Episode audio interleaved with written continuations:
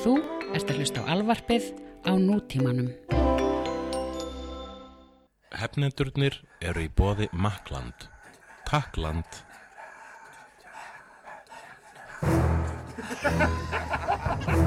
Jæja,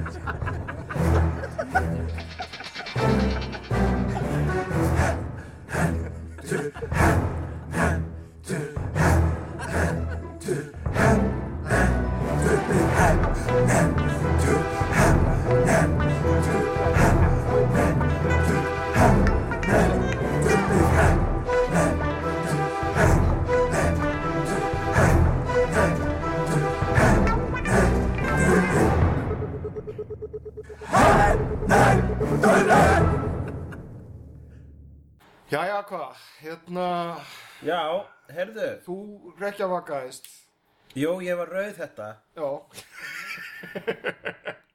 Þurfum að tala sem skýrt að hatt allan tíman. Nei, en ég meina við getum verið aðeins svona nær og svona, einhvern veginn svona, Skrítið. sko, nei, þetta er svona Gilmore Girl, svona friend, girlfriend, hérna. Hvort þú þá. Rory eða, hvort, eru, þá, eru, eru við Rory og Paris þá? Eru þannig vinkunur? Ég held það, ég, ég er Paris.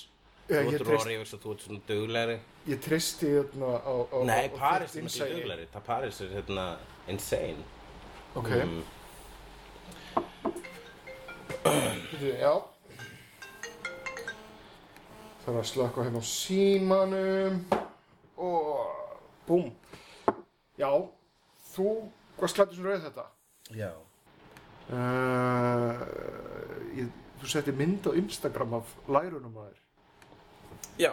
og það var einmitt þessi óþægilega upplifun af svona, hm, hvern, hvern maður slæri þau vekja hjá mig tilfinningar Mm. og síðan kom svona setning fyrir hann þetta eru lærin mín Þetta er ég. Ég sagði, þetta er ég. og uh, já, ég var í svona sokkabuxum, svona nælon sokkabuxum, rauðum og í, í rauðum fallum kjól með svundu og svo sjálfsögur rauða hettu. mm -hmm. Og líkil þáttunum í, í rauðhettu Jú, akkurat, hennar, hennar titilflík, titilflíkin hennar. Mhm. og, uh, og ég spyr þig Ríðadreipa giftast? Punisher í uh, Dolph Lundgren Punisher já, Thomas Jane Punisher eða Ray Stevenson Punisher? Sko það er ekki þetta hefur ekki verið svona einmitt rauðinin sem ég hefði valið fyrir, fyrir, fyrir, nokkur mánu síðan. En ég ætla að drepa Thomas Jane Punisher strax. Já, það er út af því að hann gerði þessa virkilega misráðnu hérna, Punisher stuttmynd sjálfur. Já, ég sá hann ekki, var hann svona léleg? Njá, hún var bara svo desperat. Æ, ótrúlega hvað ert ekki ah, Maðurinn, þú sér maðurinn er, hann er að sanna hans í sannur nörd og, uh, og, og bara svona reyna að bjarga fransæsinu. E, þetta var bara ekki gott. Já, en er, er það samt svo desperate er ætlan ekki að fá rauninu klapp á baki fyrir að vera með frumkvæði og vera jafnvel skapandi einstaklingur? Auðvitað, já, já, Já. en hann deyr. En þú ert bara meira svona, þess hálfviti. Það er reyna að bjarga ferlinunum aumingin í Hollywood sem áslega mikið pening. Já, uh, ég myndi segja ríða Ray Stevenson hérna, Punisherunum, Já, það er grótarður. já, hann er já. svona bad boy sko Mhm. Dolph Lundgren Punisher eftir hundi, ég held að hann sé giftingrætni já algjörlega, Dolph Lundgren Já, Erum við að tala, um- já, við erum sko að tala um leikarana eiginlega að Grunninn, já. Uh, vegna þess að Dolph Lundgren hann er sko uh, kjarnælisfræðingur eða eitthvað álega hann er, mm er einhver mjög gáðar gaur sko Já. og með mikinn húmur fyrir sjálfur sér uh, og er alltaf eitthvað svona að gera góða hluti fyrir uh, gott málefni og eitthvað. Og er náttúrulega sænskur. Já. Snälla, förlåt lilla Dolph Strax komið svona sterkari tenging. Mhm. Svona samfélagslega. Ég held að ég myndi fara nákvæmlega sömu leið og þú. Já, En hvort myndi, reyður mig geta aðast ok, uh, Noah Wiley hérna ah, Dóttir hún með nafnið á hérna, görnum sem gerir Apple. Steve Jobs. Já, Noah Wiley Steve Jobs uh, Aston Kutcher Steve Jobs uh, Michael Fassbender Steve Jobs. Ok, ég, ég er að fara að giftast Michael Fassbender, punktur. Já, Ok, þú ert að fara að giftast honum. Já, Og ríða Eh. það Aston Kutcher og drepa Nóa Valley Ég veit ekki, ég held að það geti hugsast að ég myndi drepa Aston Kutcher. Hérna er erfiðra sko, Aston Kutcher er svo fuckable. Já, En ef maður, ég myndi aldrei vilja drepa Nóa Valley Sérstaklega Það er ekki hægt að drepa þannig hann Dr. Carter Já. Dr. Carter von Ín A Og hérna Þá en, en, og, og svo er hún í miklu uppáhaldi hjá mér myndin þar sem hann leik Steve Jobs sem er hérna HBO sjóasmyndin uh, The Pirates of Silicon Valley Já. þar sem að Anthony Michael Hall leik uh, hinn hvað er hinn á Bill Gates. Bill Gates.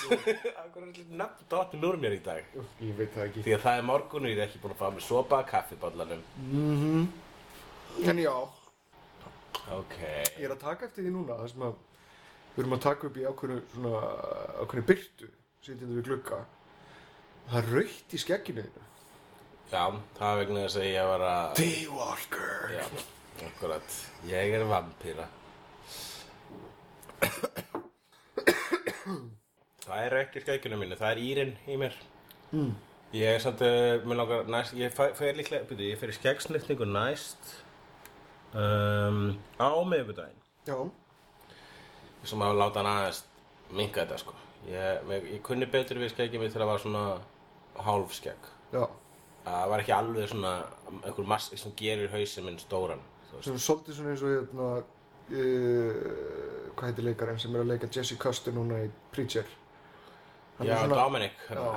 Hörru, já, trailerinn á því Sástu það já, Ég er búinn að sjá alveg rosalega mikið kvartið því að þetta sé ekki Preacher og eitthvað svona það geta ekki allir litið út eins og Steve Dillon teikningar sko. Og allar Steve Dillon teikningar líta eins út sko. Já, ég veit það, allir var þetta, er þetta Jesse Custer eða er þetta, er þetta ykkur félagið hans? Uh, en hérna uh, honum algjörlega ólegastu en þeim frábæra teikna -hmm. en um, já, ég með list ógeðslega vel á þannan sem að leikur Cassidy Já, hann er hérna leik, leikur í Misfits. hvenær var hann, hann kom hann í þriðu seríu Misfits Já, hann, hann ég man ekki nákvæmlega hvaða serið hann var ekki, í fyrst, þriðju eða hann var ekki í fyrstu kynnslóðinu. Misfits, nei. Hann kom uh, eða ferskur inn einhvern veginn.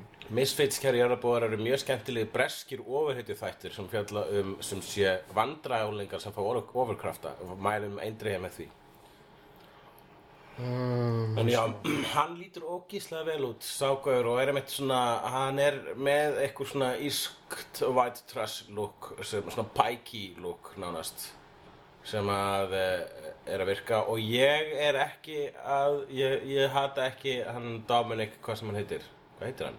uh, to, hann, hann, hann Stark. Já, Tom Stark. Dominic Stark, já. Góður ferill, hann fær að vera Stark, Howard Stark og Jesse Custer. Ok, hann leik Rúdi, hann kemur inn í, í þriðju. Já. Þá var hann að skipta einhverjum út sem ég man ekki eins og hver var Já, lengur, þessi vegna þess að- krulla, ég held sem var, var skemmtilegasti karakterinn í fyrstu tveimur seríunum sá leikari held að hann var að fara að vera kvikmyndastjarn og sagði hey, no way man, ég er farin að vera í kvikmynd og hvarf hann. kvikmynd og hvarf Þetta farið fyrir að beila á Misfits krullaði Mhm. gaur krullaði sjarmur Já, og En, krullaði hérna- sjarmur krullaði sér. komdu aftur, krullaði sjarmur Já, það var líka bara alls ekkert jafn skemmtilegur og, hérna, uh, og hann, uh, Rúdi sem kom hérna í Já, leikinn af Joseph Gilgun, Gilgun eða Joe Gilgun. Hann er, hann, já, mjög starflega bara smeltpassaði hlutur Cassidy. Uh, það er það sem held ég að lofi mestu, uh, lofi, bestu. uh -huh. Uh, en ég held að þetta sé, þú veist, ég held að þetta sé svona AMC teaser, þeir eru bara að reyna að koma venjulega fólkinu á skjánum. Já Þannig að þeir eru ekki alveg beint búin að fara í orð Guð sem að, þú veist, er svolítið ófrávíkjanlegur. Ég hlaka til Leitin að ég, Guði. ég hlaka til að heyra hvernig rödd Guðs hljómar Já, Uh, það finnst að hann fann við verið svona- svona heliumrödd alltaf Mhm. þegar hann talar sem Guð En þetta er það sem þið síndu, það rýmar svolítið við augnablikið þar sem hann er í þessari lúserstemningu í smábænum Já, og kemur síðan einhvern veginn öllu bæjarfélögun upp á móti sér þegar hann verður fullur eitt kvöldið og er með læti. Þetta er, mér síndist þetta vera eiginlega bara aðalega klippur þessum hluta pluss eitthvað svona down the line. já Um, Ok, ok Var ekki hérna, þú veist, atriðið með Cassidy í flugvelni, var það ekki einhvern tímann, Það er sko í alveg bók nummer sjö eða Já. eitthvað Þannig að ég bara, hvað, er að fara svona snemma í er eitthvað frá, flugvélatriði er að þeir eru vikslu svo náttúrulega þetta er það sem að sko Þegar þú ert að taka eitthvað, já, byggt á bókum, og þú veist, þið gerir þetta í, í Game of Thrones, það hafa þetta ekki nákvæmlega eins og í bókunum, bæði kannski vegna þess að sumt virkar betur í, í myndrætni frásögn, þá virkar, virk, virkar sumt betur heldur en í, eða virkar í, eða bleið, bókafrásögn, sta, svona stafafrásögn. Já, Og, en sko með myndasöðunar þá tók maður eftir þessu snemma bara að maður var að byrja að á Walking Dead og maður heyrðu þessi á ekki að deyja þessi á að vera áfram á lífi og þessi á að vera löngu deyður og byrju akkur eru þau þarna og svo framvist þá váttaði maður að þeir væru að sjóastættinu væru að fara ekki nákvæmlega, feta ekki nákvæmlega sömu slóður og myndasöðunar þá myndu allir geta séð hvað gerist bara með því að fletta upp í myndasöðunum Ég held að sé að vera að gera sama við Preacher og þetta er þetta bæði AMC þetta kannski þetta, þetta M-O-A-M-C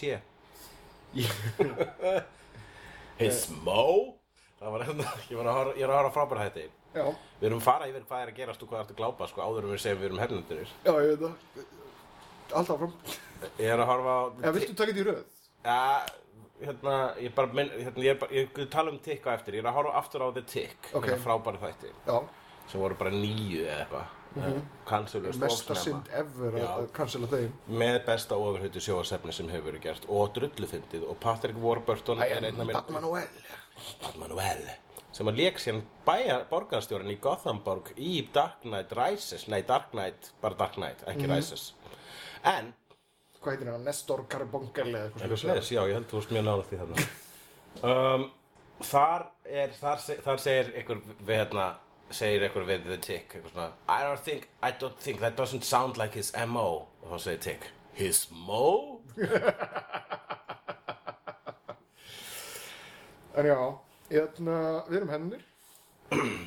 Uh, Hér í, í uh, óbeinni útsendingu beint úr uh, Stark Tower íbúð Ævormans og það var rétt á, í þessu var, uh, var rigningunni að ljúka en hún kemur aftur því þetta var einn af þeim dögum Líka bátur og sökva í Reykjavíkurhöfn. Er bátur að sökva í Reykjavíkur höfn? Einhver perlan eða eitthvað, var, hún, hún, hún sökk, sko.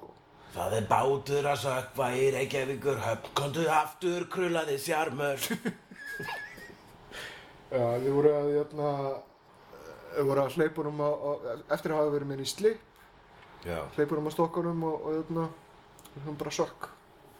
Þetta er til þess að láta fólk vita að við erum að taka þetta upp samdægurs. mm. Vegna þess að við erum búin að hafa svolítið svona þann háttin á að undanförnum þáttum að, að við höfum, þeir hafa komið út seint á mánudum, Já mánudagskvöldum, Það er okkar nýja, þetta er okkar nýja mó. Já, nýja mó, að hérna taka þetta upp á mánudögum já, um, um helst í hátteginu og senda það út eftir miðdaginn skástri kvöldið. Já, þetta er út af því að helgarnar hjá okkur eru svo, Crazy!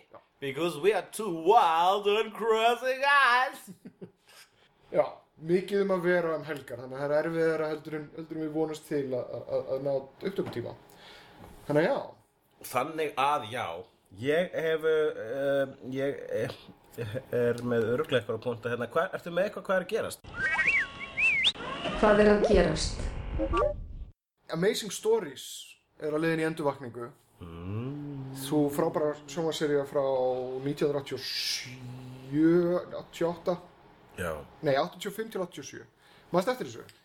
Ég horfði á held ég allt sem ég komst í. Og leiði, leiði þetta á vídeo. Ég vissi ekki að þetta voru sjóastættir Ég Ég held að þetta væri bara fullt af bíómyndum sem voru með, þú veist svona anthology bíómyndum þar sem voru þrýr þrjár sögur í hverju En hver er þáttur mynd? var í kringum eitthvað svona 45 mínútur eitthvað svoleiðis. Þetta var, þetta voru sögur sem að voru einhvern veginn í handraðanum hjá Steven Spielberg vegna þess að þú skoðar kredituna hjá honum Já, þá eru hinn eru þessi leikstjórar, hinn eru þessi höfundar þar að með Brad Bird og einhverju fleiri uh, sem að hérna, eru að bygg, gera sögur byggðar á hugmyndum frá Steven Spielberg.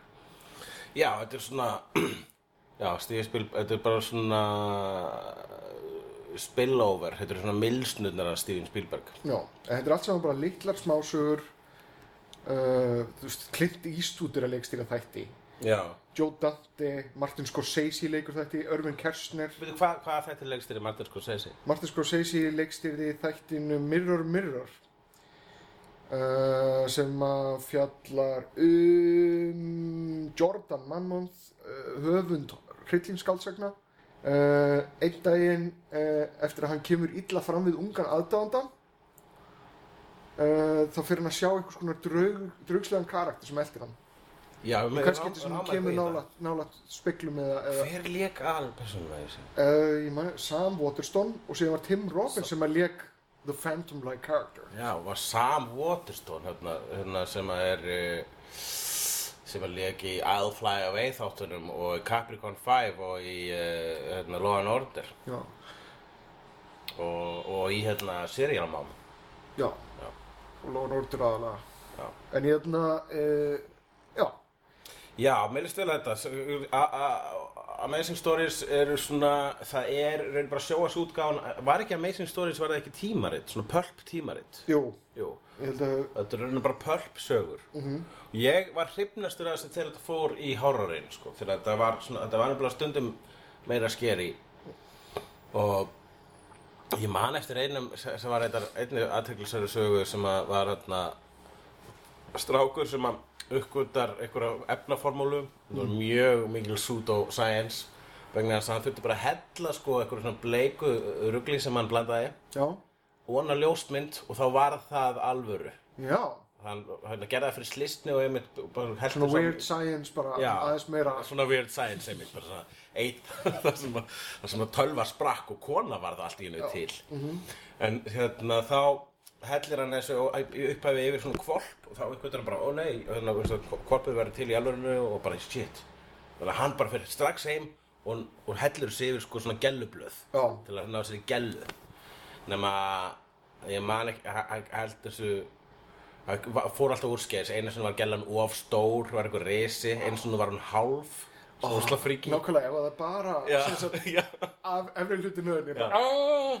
Þetta var hálf og, og einu sinni var hún sko hérna svo eitthvað sem er einu sinni þá prófa hann svona að nota puttana til að svona mjaka þessu svona og dreifa þessu almennilega Já. og þá var hann svona krumpuð og ógisleg það er alveg dásalega tækifæri til þess að gera þetta meira creepy og meira dark hvað gerir hann við allt þetta fólk skilur þú veist þegar að það er búið að lifna við? Þarf hann að drepa það? já, hann þurfti að einhvern grafa líkin einhvers hann þurfti að drepa þau einhvern veginn. Ég held að það var einhver önnur efnaformúla sem létu hverfa Ah, uh, það verið miklu meira cool hefði þurft axli að drepa þau það hefði verið svona atriði svo þegar Þorri drepur fuglana í hullan nema svona sinnum hundra sem hann er að drepa fucking konur. Haha, fyndið. En hérna, já, nei, ég meina ég, ég elska svona sögur, ég elska anthology sögur. Ég, ég, Twilight Zone og þetta, þetta Robert Zemeckis, þú veist, fyrsta fyrstu þrý þættinir voru gefnir út í bíó líka. Já, og það voru Spielberg, Dante og Zemeckis. Mm. Spielberg var með þessa rosa flottu flugvila hérna, sögu. Sem ég horfði hendur aftur á í mitt núna. Já. Sem Mekkis var hendur ekki. Nei, Var Zemeckis ekki með þarna þar sem að Christopher Lloyd missir hausinn? uh, hann er með, sem það var í season 2 þar sem Robert Zemeckis var. Hver er með það sem Christopher Lloyd missir hausinn? Ég held að það hafi verið það, sko, head of the class go to the head of the class. Það var í fyrstu, það var í fyrstu myndinni. en það er, það er, þú veist, það er season 2 en ég meni, ég veit ekki hvort þetta var sýtt í bíó. Uh, þetta var, það kom bara út á vídeo, manstu?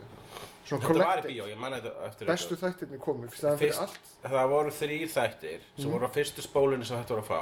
Já. Þeir voru, það var líka í bíó, ég man það, ég man eftir auðlýsingunni í þjóðveljörnum ok, ég, ég, ég er það en á sama tíma þá getur hugsast að svo bíómynd hafi verið uh, gefin út einhver tíman eftir Já, það geti að verið. serían var gerð.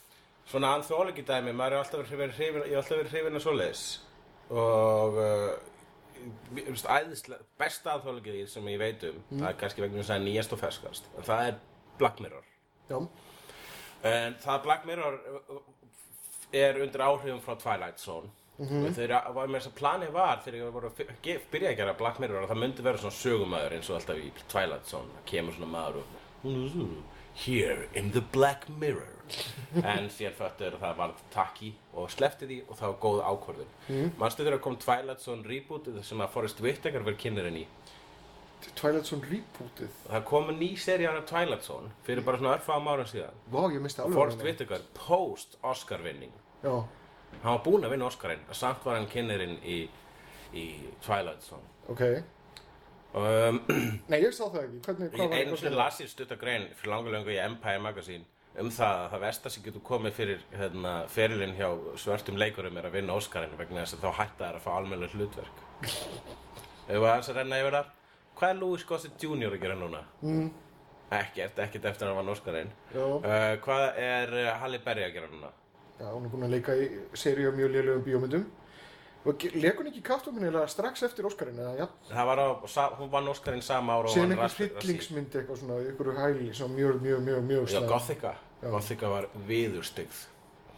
Uh, og, og, og, það var ekki bara slæm mynd, heldur var Gothica líka svona uh, eitt, Gothica færði okkur eiginlega hérna lægið þar sem að hann, Fred Durst er að covera Who lægið þarna No one knows what it's like to be the bad man behind blue eyes Það var hræðilegt, hræðilegt Manstu að Fred Durst sínd lísti yfir áhuga á að endurgera Metalhead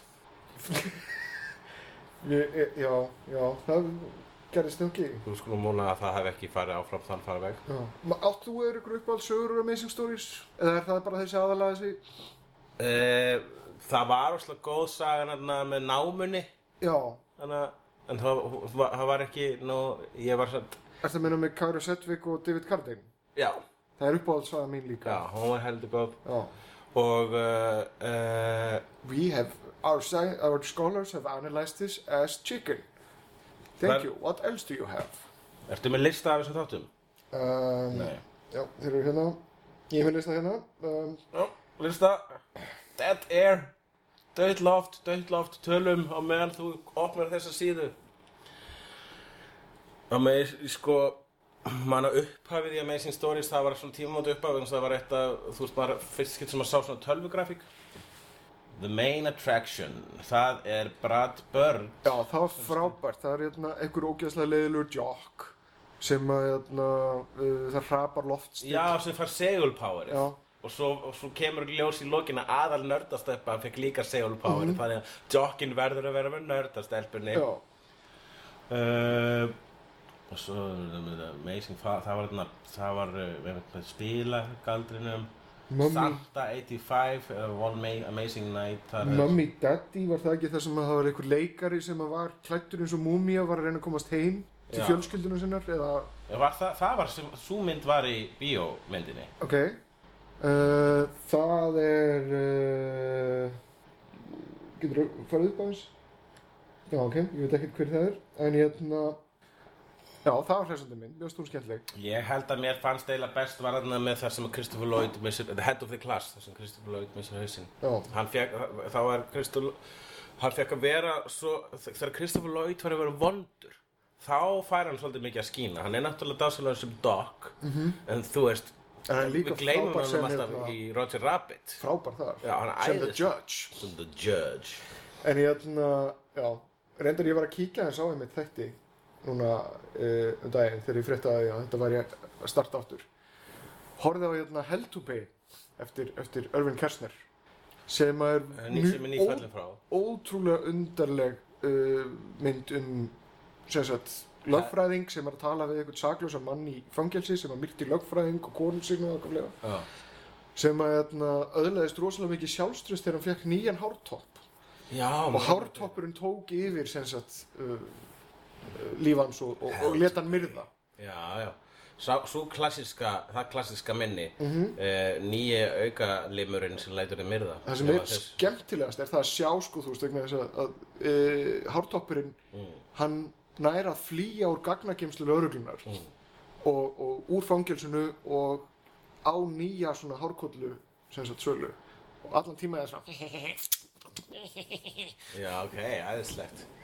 Allir, ég heyrði hérna góðsögnum um það að hann Hitler hefði verið með sko hérna hártopp mm. og sem hefði sloppið frá honum þegar hann skaut sjálf sig sko. Já, og hártoppurinn hefði síðan bara ferðast gegnum bara áratugina og, og, og, og vistnað upp og aflitast. Já, og núna er hann að höfðunars Donald Trump. Já. Er þetta er- þetta er hérna hárkollu fráðuleikur hefur verið að aukast. Það þyrfti eiginlega að gera svona anthology dæmi fyrir það eiginlega á, á Íslandi sko. við ætlum að gera það Já, við vorum með, við vorum sendum pitch. Já, Þannig að The Apartment við vorum að reyna Já, já Það, er ekki, það, það þarf ekki vera dögt. Nei, Anthology er samt uppáhaldsformið mitt. Seg, segja litla smásögur. Það er, já, ég er, mér, mér, mér, mér, ég er eiginlega að gera anthology-seríu þannig tæknilega þannig með þessum heimsendum. En Manst eftir The Family Dog? það var Tim Burton. Nei og nei. Það er bara Bird. En akkur er hugsaði Tim Burton? Ég, hvort að Tim Burton hafi komið eitthvað nálægt þessu, ég man það ekki. En þetta Ég var bara Bird. Ég, las allavega hérna, æfistöð. Jó, hann var prodúser. Já, Brad Bird og Tim Burton unnu saman að einu teikn, einu animeitaða uh, einslæginu í Amazing Stories þar sem, að, þar sem að hundur Já, þetta var sem sagt, þetta var skrifað og leikstýrt af Brad Bird. En þetta var framleitt af sem sagt einhverju animation fyrirtæki sem að Tim Burton átti. Já. En vegna þess að Danny Elfman tónlistar í þessu, þá var einfallega gerðu ráð fyrir því að þetta væri Tim Burton. Ég skil alveg svo með, já. En veistu hvað, það var annað anthology dæmi sem að gleymist oft en var miklu uppáhaldi hjá mig þegar ég var lítill og þar var fókus á horror og scary stuff. Mm. Það var The Ray Bradbury Theater. Já, Það var skemmtilegt. Þá, þá, þarna, þá voru nokkar mjög spooky sögur þar. Einn var helviti góð þar sem að Jeff Goldblum leik mann sem lendir í bílslisi og hann leikur þarna í bílnum sínum sem er búinn að kvolfa og hann tekur eftir því að dekkið á bílnum hans það er ennþá að snúast á meðan bílinn er að kvolfi sko. og á meðan er sko safnast af fullt af fólki og glápir á hann. Og hann bara hjálpið mér, hjálpið mér. Og svo hættir, hættir dekkið að snúast og fólkið er horfið. Og hann fer að spá eitthvað í þessu og, og, og verður veitna að öðru bílslýsum setna meir tekur eftir að sama fólki safnast í kringum það mm. bílslýs kemur ljós að þetta eru draugar sem að uh, eru fastir í ykkur limbói þannig að þeir eru dæmdi til þess að glápa á bílslýs eða svona mm. en alltaf meðan dekkið snýst einhverju hluta vegna sko já, síðan man ég ekki hvernig það fór sko það þurfa að vera svolítið sérstu bíslís.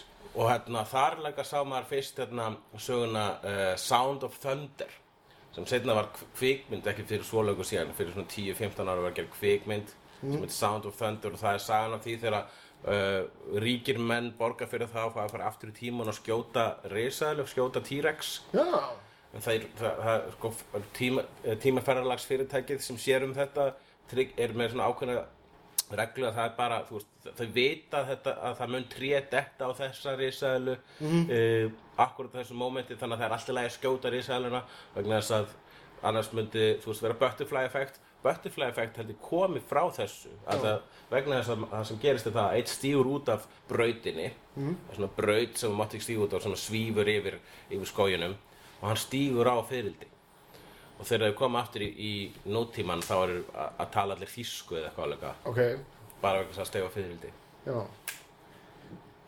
Maður eftir að lesa einhver tíman uh, smásög eftir Alfred Bester sem að hétt The Men Who Killed Hil- Hitler. Það sem að, það sem að, emitt, sem síndi fram á stöðuleikan í línunni sem þú ert í. Það Já. myndast bara alltaf nýjar og nýjar línur, Já, en þú ert alltaf fastur í þessari sömu línu, sama hvað gerir. Að þeir voru bara svona hittust margir einhvern veginn. Svona þú voru allir að reyna að drepa Hitler og fara lengra og lengra aftur til þess að breyta öllu. maður er þessi, þessi hérna, þetta er svo klassísk spurning ef að þú ættir tímavel myndir fara, er, ek- myndirðu fara aftur í tíman og drepa Hitler Mm. þetta er, maður hefur séð þetta svona þessa hypothetísku spurningu poppaði upp í allskins frásögnum og bíómyndum og svona og svo líka hefur hann verið adressuð og prófað að fara með þessu þegar eins og Dr. Who þátturinn sem heitir einfallega Let's Kill Hitler mm.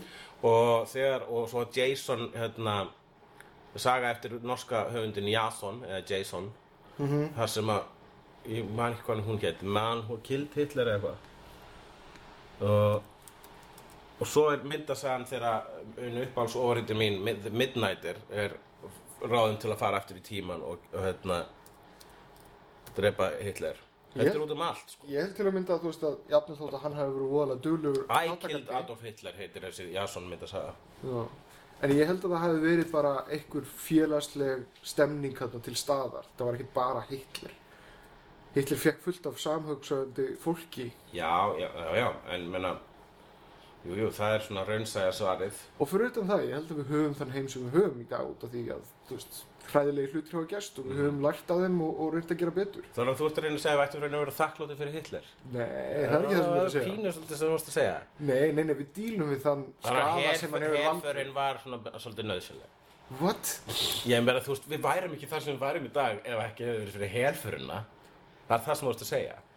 Það það þú ert að segja. Já, þú ert þetta. bókstaflega að segja Ég, þetta. veit, ég er að tólka orðin þín eins Mér finnst það mjög bara svolítið á þann eina hátt sem hægt er að tólka þig. Svona eins og ef ég segi, mér finnst ískóður. Já, ok, segðu það aftur það sem þú vorst að segja. Ég er að segja það að við sem mannkinn höfum bara einfallega að díla við þá hræðilegu hluti sem hafa gæst. Mhm. Orðið betri manneski fyrir vikið. Já, akkurat. Þannig að við værum ekki þess að betur manneskjur ef ekki við hefði verið fyrir Hitler og helfurina. Já, þú, það er, það er, Ég hef ekki orðið að segja þetta aftur það. Hlusta, hlusta á orðin þín. hlusta á orðin mín. Já. Ok, já, ég Við- gerir mér fullilega grein fyrir því. nú skal ég orða þetta eins og Hvernig þú orðaðir þú getur þetta. túlkað Við sem mannkinn erum nú betri manneskjur vegna þess að við dílum með þessa hluti. Já, Þannig að þessi hlutir gerðu okkur að betri manneskjur. það er enginn að segja að það hafi verið góðir hlutir. Nei. En það að gangi í gegnum erfiðleika getur leitt til þess að fólk getur orðið En betra og ef sterkara. ekki hefði orðið fyrir Hitler og helfurina, hvar væri við þá? Ég veit ekki, ég myndi samt giska á það að það var það mikil pressa og leiðindi í uh, Evrópa á þessum tíma að það hefði, þú veist, Þískaland var frekar biturt og, og leiðilegt eftir seinni heimstölduna, eða fyrir heimstölduna Já. þannig að það hefði eitthvað sprungið á endanum. Sko það er að detta í það bráðum að það séu hundra ár liðin síðan að helfurinn var. Það eru svona 80 ár núna eða hvað, ekki? Jú, cirka. og þá og höfum við eitthvað lært það eina, sko máli er það að alltaf þegar það er þjóðumorð og það er ennþá þjóðumorð, bara all the time út í heimi. Og alltaf þegar það er fjallað um þjóðumorð þá bara, við viljum ekki endur taka þennan leik. Aldrei aftur helfurinn, aldrei aftur þjóðumorð þú búin að endur, gera ykkur þjóðamorð nýlega? nei, Nú þá hefur þú lært eitthvað. þetta er hættu þessu fíblagangi, Ævar. Við erum með alvarlega umræðu ekki Já, en ég menna síðan er til dæmis í Asíu þar sem að þau hafa engin félagslega tengslu við þetta. Þau, það er til dæmis í Norður Kóru og Japan. Það eru svona Hitler veitingastæðir. já, já, Hitler er bara Adolf Hitler knæpur. hann er, svo, það te- hann Vegna- teiknumyndafígura Vegna í Japan Þetta þetta er bara einhver, þetta er, þetta er heimur sem er ekki, þú veist, í tengingu, sko. nákvæmlega, Við, við okkar. akkurát Þetta er bara algjörlega sér rás. Mhm. Þannig að, þarna, ég veit ekki. Sko, sko töl, tölfræðinu samkvæmt, þá er heimurinn betri núna en hann hefur nokkuð tíma verið.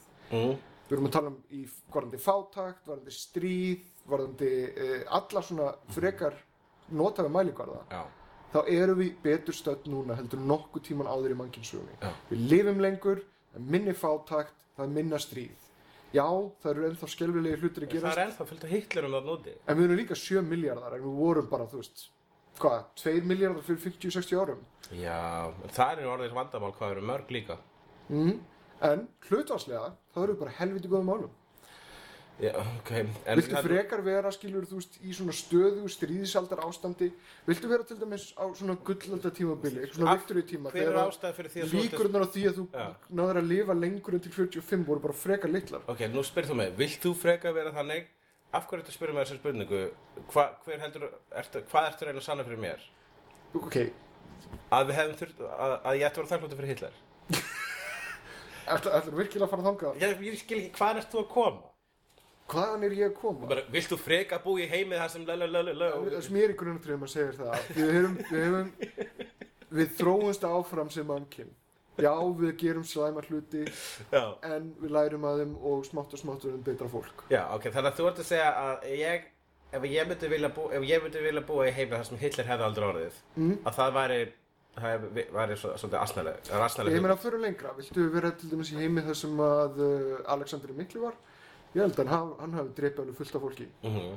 hann var fabulous bara, þú fílar Alexander Mikla. Já, því lengra sem að liði síðan, því, því romantískara verður allt saman Meina, þú, flest, þetta meina að Rómaveldi var, var eitt stórt þjóðarmorðar dæmi Mm. uh, fyrir svona Já, þeir völduði yfir, yfir. yfir að drápu- þjóðir allavega sko join us or die. Mm uh, resistance is futile.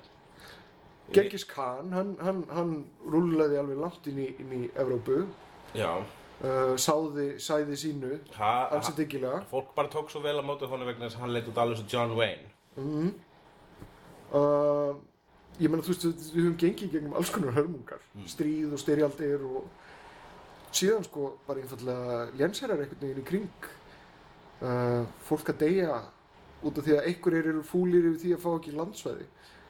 Ég skil ekki alveg nákvæmlega hvað Ég skil hvað- ekki hvað stríð Þú veist hvað ég skil ekki? Stríð. Já, mm, já. En ég það ekki. Um, Þetta var góð, þetta var, þessi samræða fór ekkert. nei, ég veit það. Sandra Bullock er að rýbúta Ocean's Eleven. All female Ocean's Eleven. Í alveg, Já. Akkur heitir það ekki bara eitthvað annað? Akkur gera það ekki bara eitthvað annað? Ég er alveg hægt að gera, hérna, já, ég menna, þú veist, Jú, jú. þetta, ég meina, Ocean's Eleven var náttúrulega endurgerða á Ocean's Eleven. já, og svo kom Ocean's 12, sem var lélega Ocean's 13, sem enginn sá. Mm En það ásens þetta endurgerða all female Ocean's Eleven. Já, algjörlega. Bara, Mhm. hvað sem ekki? Hvað sem ekki? Uh, en bara, þú veist, ég, Ertu bara að hugsa um stríð núna? nei, ég er löngu hættur að hugsa um stríð. Já. En uh, ég bara, uh, þú veist, þetta er verið að gera sama í Ghostbusters. Já. En er þetta þá bara að verða eitthvað svona nýtt? Að núna er verið að endur gera myndir og hafa bara konur í staðinn? Það sem ég er að spyrja, akkur ekki bara gera nýtt franchise? Já. Ég held að ástæðan sé náttúrulega að fólk vilji heyra bara, fólk vilji eitthvað kunnulegt. Mhm. Fólk vilji fá brandið. Já.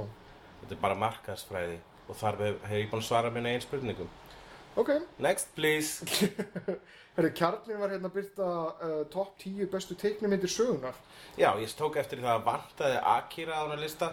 Það vantaði líka Miyazaki. Já, þannig að þessi list- listi er ekki gildur. Vantaði kannski til dæmis Toy Story líka, sem að það var nú svona uh, byltingakend þróun. Já, já, það Netflix ætti nú að vera halsvert hátt að lista út af, út af öðna, uh, hvaða áhrif hún hafði á teiknumyndagerð að eilífu. Já, já, en Animal Farm í fyrsta seti. sko, já, já, það er, ég finnst ekkit endilega myndir eiga heima á lista yfir bestu teiknumyndir bara vegna þess að það voru tímamóta teiknumyndir. Mm. Mér finnst Toy Story til dæmis ekki jafn góð og Toy Story 3. Ég myndi setja Toy Story 3 frekar á listan vegna þess að mér finnst hún betri mynd heldur en Toy Story 1. Já, ok. En, En, en er Toy Story 1 er náttúrulega mikilvægari vegna þess að ekki væri fyrir Toy Story 1 það hefði ekki orðið Toy Story 3 hvað þá Toy Story 2 en, Hvað þá Pixar? en ég er alveg sko ég, sko á þessum lista eru, eru Lego Movie sem er frábær Hún er frábær, já, já, já. En, en, en er, hún, er hún tíu besta teiknumynd söguna? Ha- Eða er hún, er hún fyrir ekki, er hún, er hún fymta besta teiknumynd ég söguna? myndi alveg segja að hún mætti heim, heima heima á top 10 sko Mm, hún er hressandi, sko. Já.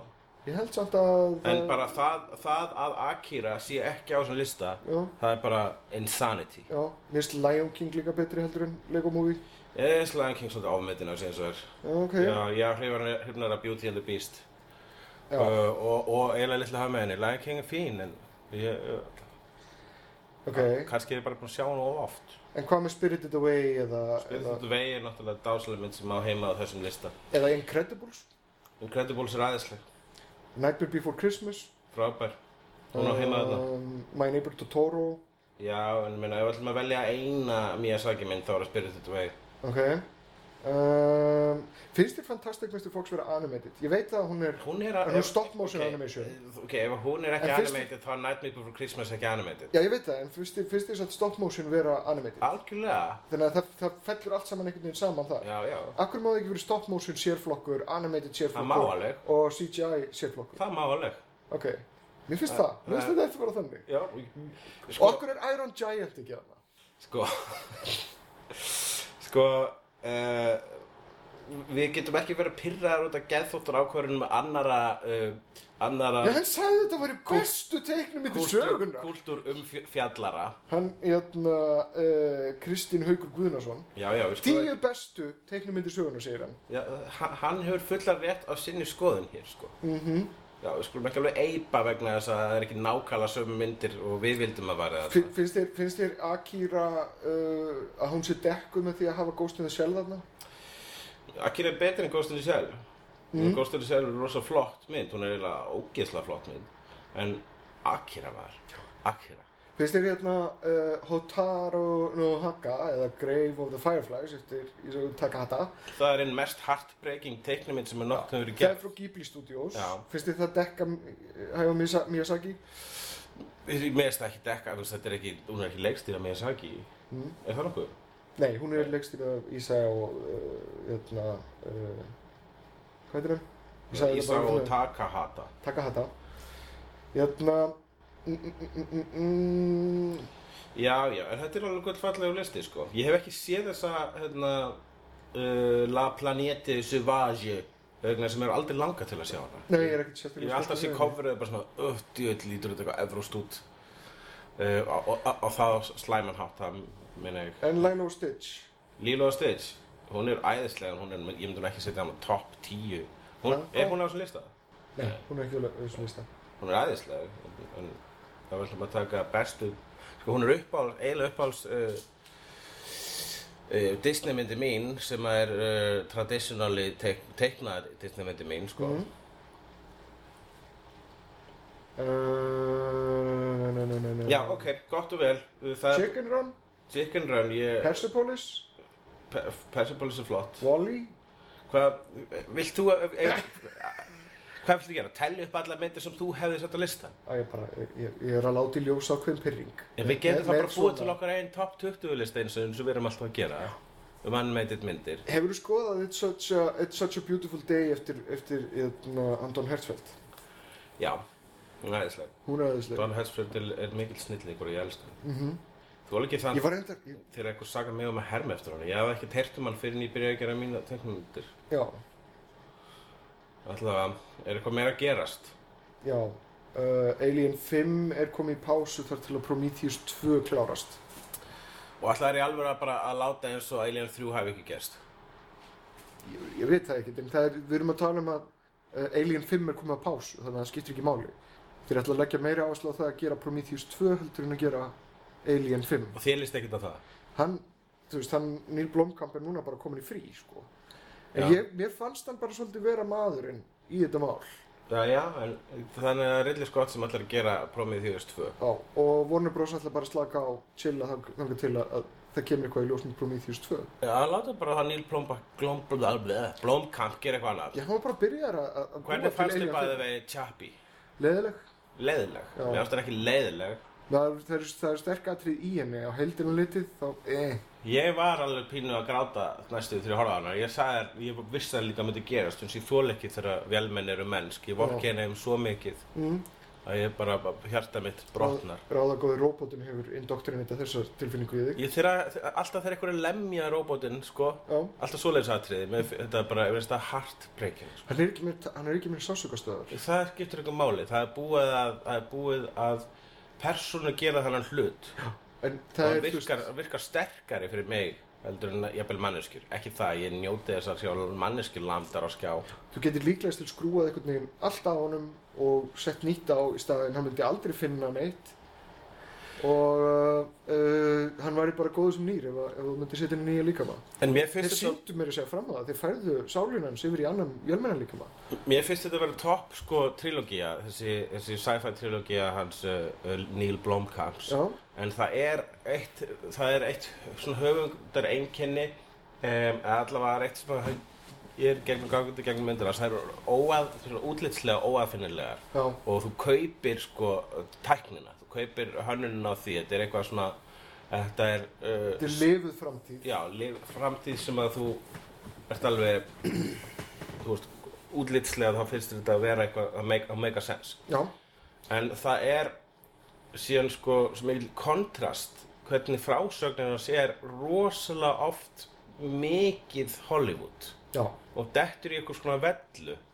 Hann er sko special effect gaur að upplægi sem er alin upp á Terminator Alien og öllu þessu sem við höfum elskað og alveg upp með.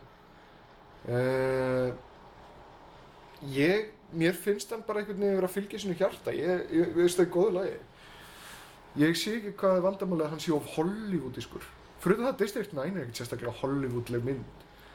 Fylgjast með einhverjum creepy lúða sem að verður er, að hún er minnst þannig og hún er það samt sko. Mér finnst að að- allar sögurnar hans vera sko, og það, það er ekki, ég er ekki að segja þessi galli en mér finnst að sko, með af eitthvað hann er útlýslega frumleg Mhm. þá er hann frá, frumlegur þá er hann frásagnarlega svo rosalega ófrumlegur. Þess að mér fannst þetta viðlandi við Elysium ég tók eftir þessu bara í loka í, í, í, í þriðja aktunni í Elysium það var þetta orðið alveg rosalega uh, maður var að það svo oft áður. Já, svona actionlega, þetta var pínu boring þegar það var að berjast þarna við Charles og Copley eða hvað sem hann heitir í lokin. Já, það gæti náttúrulega hugsast líka að hann er að fá, hann þarf rosalega mikinn pening til þess að gera þessar hugmyndir sínar Mhm. og þá þýðir það að þetta fer í gegnum einhvers konar, já, uh, skoðana tank sem að kemur einhverjar einhverjar einhverjar umdru það hvernig hægt er að ná til víðari áhörðahóps. Það má vel vera. En jæja, hvað er meira að gerast? Uh, Frank Marshall sem við þekkjum sem helsta framleiðanda Steven Spielberg í gegnum árin á samt Kathleen Kennedy hjá Amblin. Og hérna uh, leikstjóra Arachnophobia Mm. hann uh, er hluti af sem sagt uh, Lucasfilm eða réttar að sagt Disney brainfundinu hann í kringum Indiana Jones.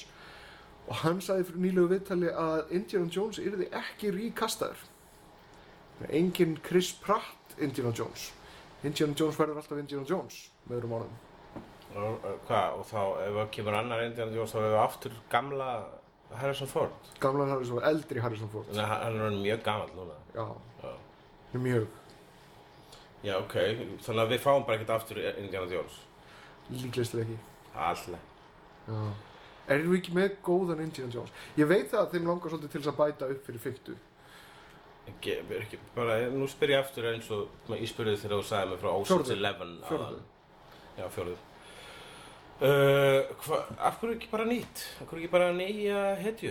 Já, nákvæmlega. Þú veist, það er, af hverju, þetta er, ég er orðin, Svona eins og þarna ma- mammi hérna gæjan. það, þú veist, við, við kunnum að meta, Eða Nicolas Cage í National Treasure.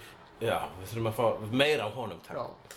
Uh, ég, nei, ég meina við hefnundur kunnum alveg að meta allar þessar endurgerður, allar þessar reboot og svo leiðis við höfum tekið þetta fyrir á þér en hvað bara, það er eiginlega orðið bara, maður er orðið svolítið leiður að því hvað þeir eru ekki að finna á nýjum hlutum. Mm Er samt ekki alveg fullt af nýjum hlutum öðrum sem að koma hana? Ég, það koma náttúrulega fullt af nýjum hlutum og það er líka það sem verður, það eru hittararnir. Það eru, Guardians of the Galaxy og svo leiðis Mm sem er tæknilega ekki eins og nýju hlutur byggt á myndasögu, en þú veist, þú veist hvað ég meina Ég veit hvað ég með. Hvað það meinar. og bara, já já, og svo, svo búum við samt í heimi sem að færið okkur uh, Mad Max Fury, Fury Road og ekki hvarta ég við því Á hvað ertu að glápa?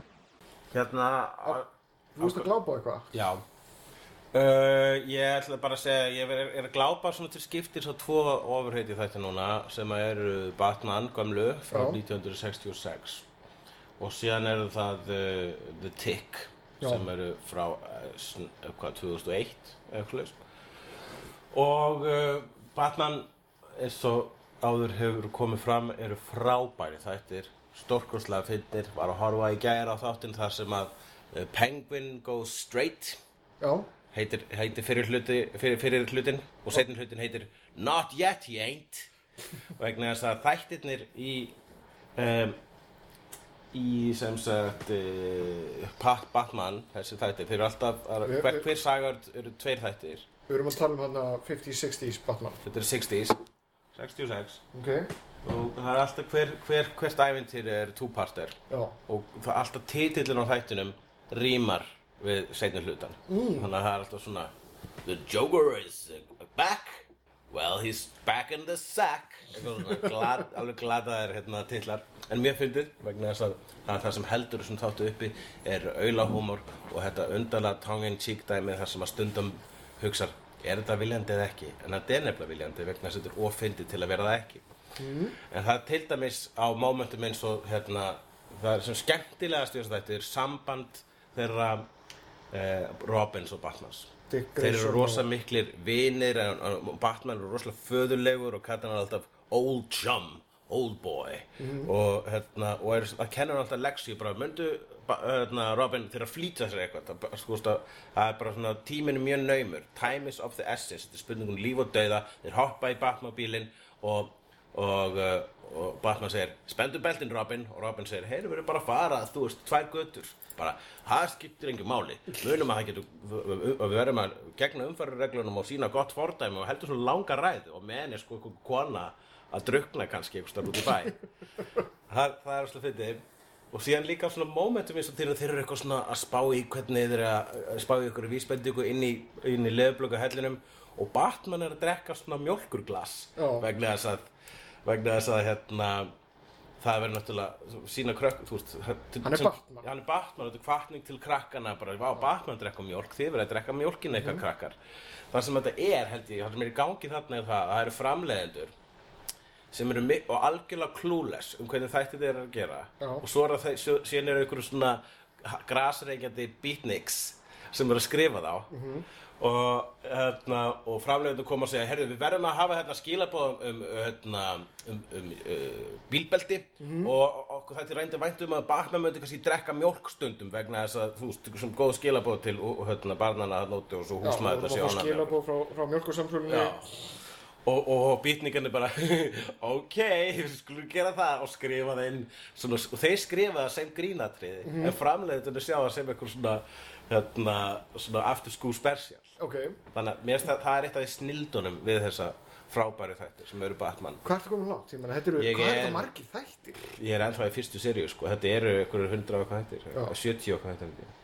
Það er- það var alveg, það er ótrúlega mikið framleitt. Ég er að býða eftir að komast á uh, tímamóta þættunum allavega hvað varðar Ísland. Uh, Þegar Mr. Freeze rænir frá Íslandi. Já, þegar Mr. Freeze rænir frá Íslandi. Mér langar að sjá það. Já. Uh, og svo var, er ég að horfa á Tick og bara það eru óendal, óendalega skemmtilegi þættir. Mm Mhm. -hmm. Mikil synd. Svolítið langt síðan ég hef séð Pigg. Hann er bara svo fyndinn, hann Patrick Warburton, hann er comic genius. Ég er alltaf glaður fyrir að sé Patrick Warburton einhver staðar í einhverju. Meðast hans besta leikmoment er þegar hann leik Puddy í Seinfeld Já. og það er atrið þar sem einhverju ringja í Purdy og það er sínt svona heim til hans og hann situr svona alveg grafkjur á sófana sínum og starir svona tómt út í loftið. Svo ringir síminn og hann svarar í síman og, þetta, og þessi, þessi sena gaf í skinn á meðan Puddy er ekki nálagt neinum og er ekki neinu samskipt við neinn og situr bara kjur og starir út í loftið eins og svona velminni að býða eftir skipun. Ok, málum auðlýsingar Nei, nei, ég hérna, uh, ég gæti ekki beðið, gæti ekki setið á mér og hérna varð mér út um fyrsta þáttinu af Ash vs. Evil Dead og horfði á. Ok, okkur, hvað þú gast ekki beðið, var hann, er hann ekki Hann er ekki komin í neitt íslensk sjónvarp eða, eða einhverju sölu. Ah, þannig að náður í hann Saus, Ok, hérna, nema hvað ég horfði á hann uh, vegna þess að mér langaði bara rosalega mikið til þess að vita hvernig þetta var. Og þetta svíkur ekki. Þetta er, þetta er, það er Evil Dead through and through þarna í þessari stemningu. já Ég sá bara trailerinn og það sem að þessi þa- þáttur virtist vera að lofa var allur húmórin sem að sko þeir sem að söknuðu hans úr Evil Dead endurgerðinni Já. þeir fá hann alveg margfalt þarna í þessum þáttum En hann er líka skeri og spennandi. Það er gott Þessi fyrsti þáttur er leikstýrt af, er leikstýrt af hérna, Sam Raimi. uh er, er samræmi í honum? Uh, en það er reyndar hérna, Oldsmobílinn hans. Hann er í honum. Já, Og hérna, hvað þýðir það? Já, Fyrir það sem ekki vita. Sam Raimi sem sagt er með það uh, höfundureinkenni, Mó, að hérna, að hann setur gamla Oldsmobílinn sinn í allt sem hann gerir. Og jafnvel bara, þú veist, á stöðum þar sem þú býst ekki við að sjá Oldsmobíl. Já. Uh, hann nær jafnir að draga hann með í Army of Darkness Æðislegt, já. Uh, og ég held hann sé eitthvað staðar hérna í hérna, Oz hérna, myndinni sem hann gerði. Hann er í Spiderman myndunum, mæntalega líka. Já, hann er potted spæðin myndinum, öllum. Já. og hann, þetta er bara höfundur eikin hans. Þetta er Já. hans, þetta er, uh, þetta er Þetta er svona, þetta er svona signatúri þess Bruce Campbell, ég held að, held að þetta hefur gerst einmitt þegar að hérna, þeir notuðu Oldsmobílinn hans í Evil Dead 1 eða 2 Mm. og uh, Bruce Campbell reyndi að eyðileggja Oldsmobílinn þá, hafa, þá hefur hann verið bara einhvern veginn, nei þér tekst ekki að eyðileggja hann. Akkur reyndi Bruce Campbell eðilegjan ég veit ekki alveg nákvæmlega hvernig hvers vegna Var það í góðu gríni eða var, var hann mjög reyður Nei, þetta- samræmi? þetta var þetta var sem sagt hérna, eitthvað dæmi þar sem að þetta átti að fara fyrir lest eða eitthvað líka. Mm. og, hérna, og eini bíllinn sem að passaði innan eins og var búið að skjóta áður var bíllinn að samræmi. Og, hérna, og síðan var hann riggaður upp til að, að lendi í einhverju hræðilegum lestaslýsi og, og dóti og hérna, uh, samræmi stoppaði það af. Og hefur síðan þá reynt að hafa bílinn sinn í sem flestu og láta hann lifa. Ég held að það sé voðalega lítið eftir af orginal bílnum Já. svona 2% af, af bílnum. Þetta er eins og, já, hann er kannski búin að skipta aðeins og marg, marg oft um varahluti. já, Þetta er eins og með hamarinn, ég er búin að eiga sama hamarinn núna í, í að vera 7-8 ár og ég er bara búin að skipta um haust tvisvar og skaft þrísvar. uh þú átt engan hamar Víst. nei, Hvað er þetta eðilegja brandara minn? þú átt engan hamar Já, þú getur bara að fokka þér. Það var mjög fyndið þetta brandari. þetta er hans pappa mín sagðan Já, okkur, já, takk, takk. Ég, ég veit þetta er klassísku brandari sem ég var að stela úr eternum já, og, og ég heyrði hann sem hamar brandari Mhm. og reyndar, fyrst að við ætlum að fara út í það, þetta er vissulega ekki sönn saga sem ég var að segja vegna þess að þetta er bara brandari. já, ég bara En þetta víst svo á ég hamar, ég á tvo hamra meira? Já, ég á hamra og ég á skrújátn og ég á bara fullt af hlutum til að byggja hluti með, hvað heitir það aftur? Verkfæri, já. Og ég var svo erfitt með því mér finnst það að vera stærsti brandari Allir eiga hamar. mér finnst það stærsti Þú veist, hvernig heldur ég hengi upp myndir á veggnum með grjóti já, er ég held það í alveg ég, ég sé því frekar fyrir mig nota svona nota skó hvað er svona skrítið það að ég nota hamar? Það er hamar, er hamar til í öllum íbúðum. Þú átt hamar. Já, ég staðar. hamar. Já, og það, áttu tvo hamra ég á tvo hamra vegna eins og ég týndi í einum og þurfti að kaupa annan og núna á ég tvo. Mhm. Mm Og veistu hvernig skrújarni ég á? hvernig þetta Sonic skrújarn. ok, Ég á svona, skr svona skrújarn sem er eins og hérna, uh, Sonic skrúdæfur Doctors Doctorsins. Já. Með græna ljósinu. Sem er svona Matt Smith skrújarnið. gaf ég þér það í afmælskjöf eða var Nei, það var, það var þetta Kæró sem gaf mér. já, Og það, það er svona, þú opnar það og það er svona fullt af mismöndi, þú getur breytt í actual skrújárn. já, Já. En hamarinn minn er actually bara venjulegur hamar, það er ekkert nördalegt við hann, þetta er ekki eitthvað svona drive hamar, svona alveg svo hamarinn sem að Ryan Gosling var með í drive.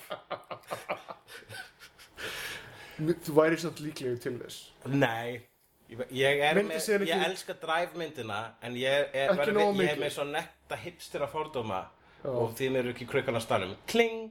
Uh, gegn sko drive hæpinu. já, það var svo rosalega mikið hæp fyrir Drive, það var einhvern veginn besta mynd í heimi sem skemmti í rauninni hérna, Only God Forgives svolítið fyrir fólki, vegna svo fólk var bara já, það er hann komið önnur mynd frá Gurnin sem gerir Drive. Svo var bara svona, svo mynd miklu meira sikk og furðulega og surrealísk mm. og mér fannst bæði við Only God Forgives betri en Drive þó Drive er æðislega mynd. Mm. en uh, betri tónlistrandari dræf Ég, það er svo ólíkt, ég á soundtrackið eða skorið Já. úr Only God Forgives og það er frábært Það er alls ekki slægt sko Það er stokkuslegt Hann, hann, hann, hérna Nikolásson tegin nefn er líka skor perri og hann er með eitthvað útgáðfyrirtæki sem er að koma út á vínil svona gömlum uh, gallóskorum og hinn og þessum svona glemdiskorum Ég held að hann er að segja endur útgefið Robocop skorið Vínil Já það var mjög sniðut að láta það vera svona mars En uh, ég myndi vilja sjá Lúðrasveit á 17. júni eða uh, 1. mæ vera að spila Robocop-lægið Það hefði verið flott þegar löggurnar fóru í, hérna, í mótmælagönguna í verkfall bæði veit, ég veist bara það skeri Það sé að þúsund löggur lappa niður laugavegin bara Það hafa tekið yfir, það er martial law. Og svo voru það bara að fara í verkfall eins og í Robocop. En það fá, ekki að fara í almennilegt verkfall En það sem löggunar hins vegar búin að gera er að sleppa að sekta fólk. Þannig að það er búið að vera chaos in the city of fear síðustu daga. Uh, Eins nálátt að við komust að eitthvað skona chaosi í okkar boring litla bæ. En já, Ash vs. Evil Dead frábær uh, fyrsti þáttur. Allan að lofar góðum framhaldið. Ok, erum við þá að fara auðlýsingar? já,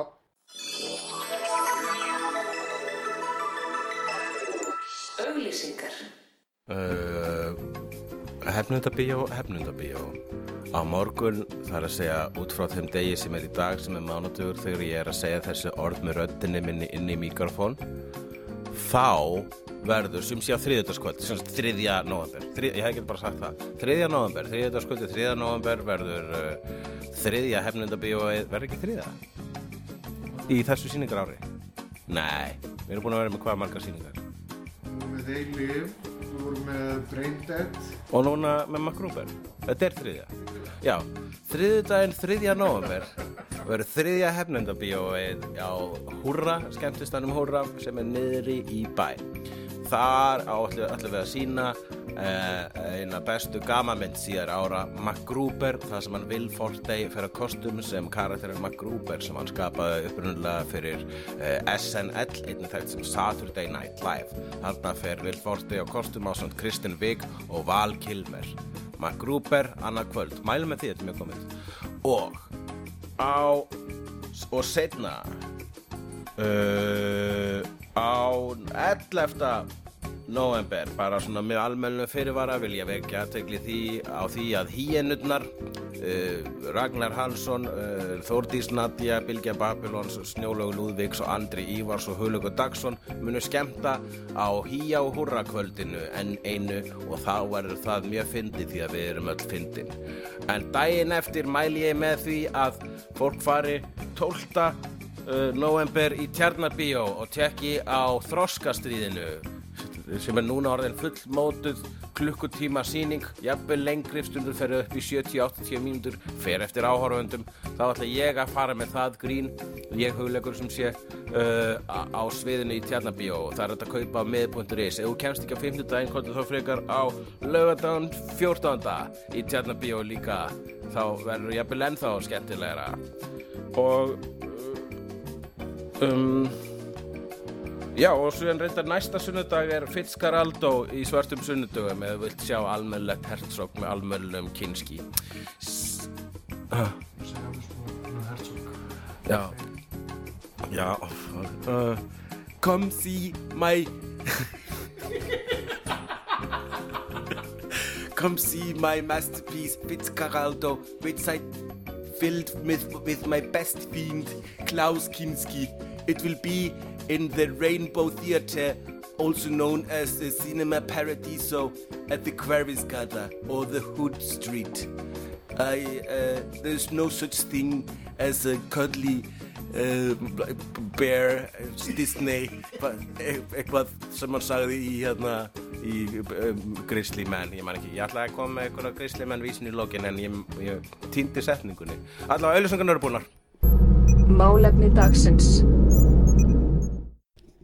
Jæja, hörðu, málefni dagsins, þú ert með þitt hjartans mál, þú ert, þú ert búin að vera að lenda í ákveðnum svona stemningum að undarförnu, þar sem það hefur verið að ég skemmta. veit, ég veit, ég, ég held að sé ekki bara ég ég held að sé, uh, það er að þróun mitt hjartans mál er uh, mitt upp, uppáhalds frásagnarform sem er uppistandið og um, þá ég hef síðustu Það er þú varst að skemmta með Doug Stanhope nú en dag. Já, herru, ég var að skemmta með Doug Stanhope, maður. Var, ég flutti uppistandið með þá ennsku undir Stanhope Já. og getur hvað, hann dyrkaði það, Vel hann sagðist hafa tárast af hlátri.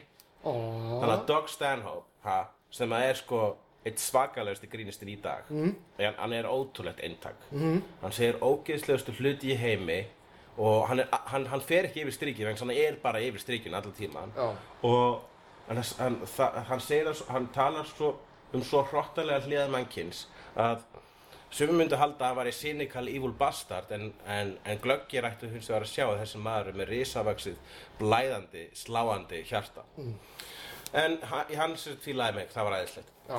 uh, en sko að, sem að er samt að byrja að gerast nú er maður með uppistand hér og þar. Gerðist þetta í þessu uppstandi? nei, það var bara mjög góðu salur þetta Ok, en það er salurinn sem sagt farin að taka upp á einhverju, einhverju, einhverju Málið hræðu. það, að þetta, er- þetta er mjög jákvætt í rauninni. Það eru fleiri og fleiri uppistandarar að koma úr, uh, skrýða úr uh, veggverkinu, eins og maður segir á mjög góður íslensku. Og uh, eru að tóða upp. Þannig að það eru alls konar uppistands svona klíkur þarna úti. Ég meina með Ísland, þeir eru uh, svona stærstir eða frægastir m- með sínum, sínum uh, uh, riddurum grínsins.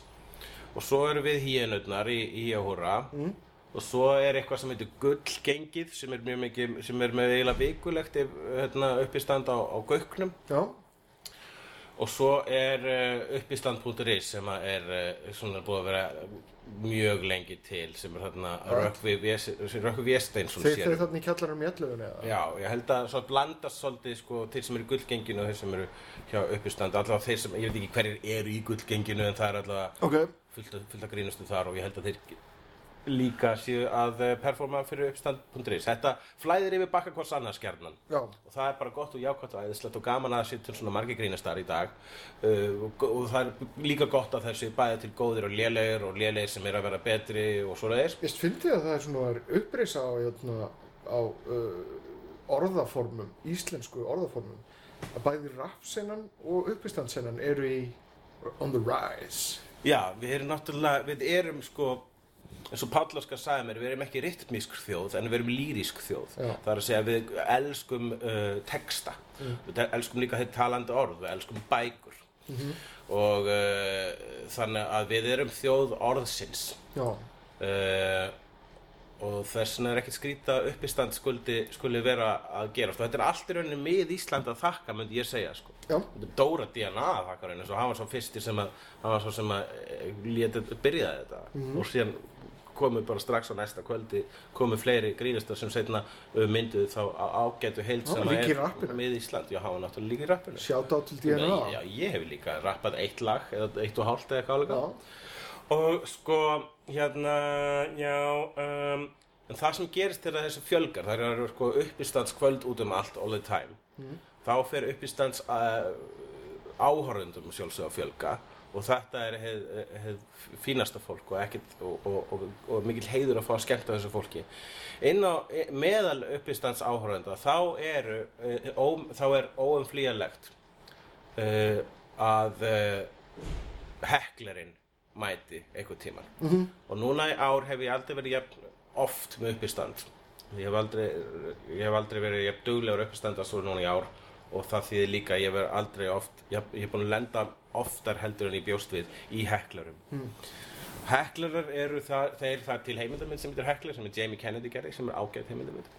En um, Hekler er sum sé maður sem er með framíköll. Já, maður sem trublar sjó. Er ekki komin eitt gott íslenskt orðið er það bara framíkallari, það uh, framíkall? Að, að framíkallin mættur og það er sko margt sko, flestir heklerar eru ekki með neina meinfísni þeir eru actually bara eru, veistu, þeir eru hrífast svo með Já. þeim langa til þess að þeir láka að vera með Já. og, og hrópa og taka, er að taka þátt í samræðinu. Það sem málega er með uppistand og það sko sögumir halda uppistand og einleikur sé það sama. Það er alls ekki það sama. Þessi einleikur er sko langt oftast eftir skrifuð og handriti. Uppistand vissulega þá fer maður eftir einhvers svona handriti hausnum á sér en það er líka miklu uh, frjálsara. Þú allavega langflestur uppistandarar allavega ég sko er, reyni að fara ekki nákvæmlega eftir handritinu ef, efninu, materiálinu Já. ég reyni að riffa eins mikið ég get. Ég reyni að búa til hluti á sviðinu. Ég reyni svona eiginlega í rauninni að tala við áhörundur og hvort formið er samt samtal. Já, málið við það, með- þegar, en þegar ég tala við áhörundur þá skapa ég þá blekkingu að ég sé actually í samræði, samtali við áhörundur og er að býja eftir svari. Og þá er ég sem bara, einmitt, herðu, og svo ég bara svona að tala við mig og ég bara, nei, nei, nei, fyrir ekki þó ég sé að tala á ykkur þá þýðir ekki að þið eigi að tala aftur á mig. Ekki nema ég sé að sérstaklega byggja ykkur um það en ef þið eru að því þá, er, þá verður oft distracting vegna þess að ég, mitt flæði trublast þú átt sviðið og þú Já. ert tíma að setja brandara. Þú ert Já. að reyna að koma hlutum frá þér á, á ákveðin hátt og nefnum ekki skóri Já, er ekki alveg að, að hjálpa Já, í því eftir rólegur, ég kem að þeirri bráðum og hérna uh, og það er sko síðan að sama og það er líka þessi miskilningur er það að við grínistar tökum þessum heklunum fagnandi. Og sömur gera það. Eða þú veist, það er alltaf, og að er það pínu gaman þegar ég- ég fæ hekler sem er með eitthvað að vesa við mig sérstaklega ef hann er leðilegur sko, og reyna að vera leðilegur þá bara eyðileggja hann, eða þú veist, ekki eyðileggja þú veist, ég bara, ég svara fyrir mig og ég verandi með mikrofónin er með miklu meira, þú veist, vald heldur en hann. Og, uh, og þannig að ef þú ert að tröfla sjóðum mitt þá mun ég einhvern veginn stríða þér og jafnvel svona niðurlæja þig á, í, í jákvæðastu merkingu þessu orðs það er að segja bara ég reyna að, þak, Ok. bara, ég reyna að tryggja að þú talir ekki aftur. Já. þannig ég bara kall, ég svona, kem eitthvað vitt í svara mótið þannig að þú ert sigraður og núna þegir þú please ég veit sko, ég man eftir að hafa hlusta á Bill Hicks.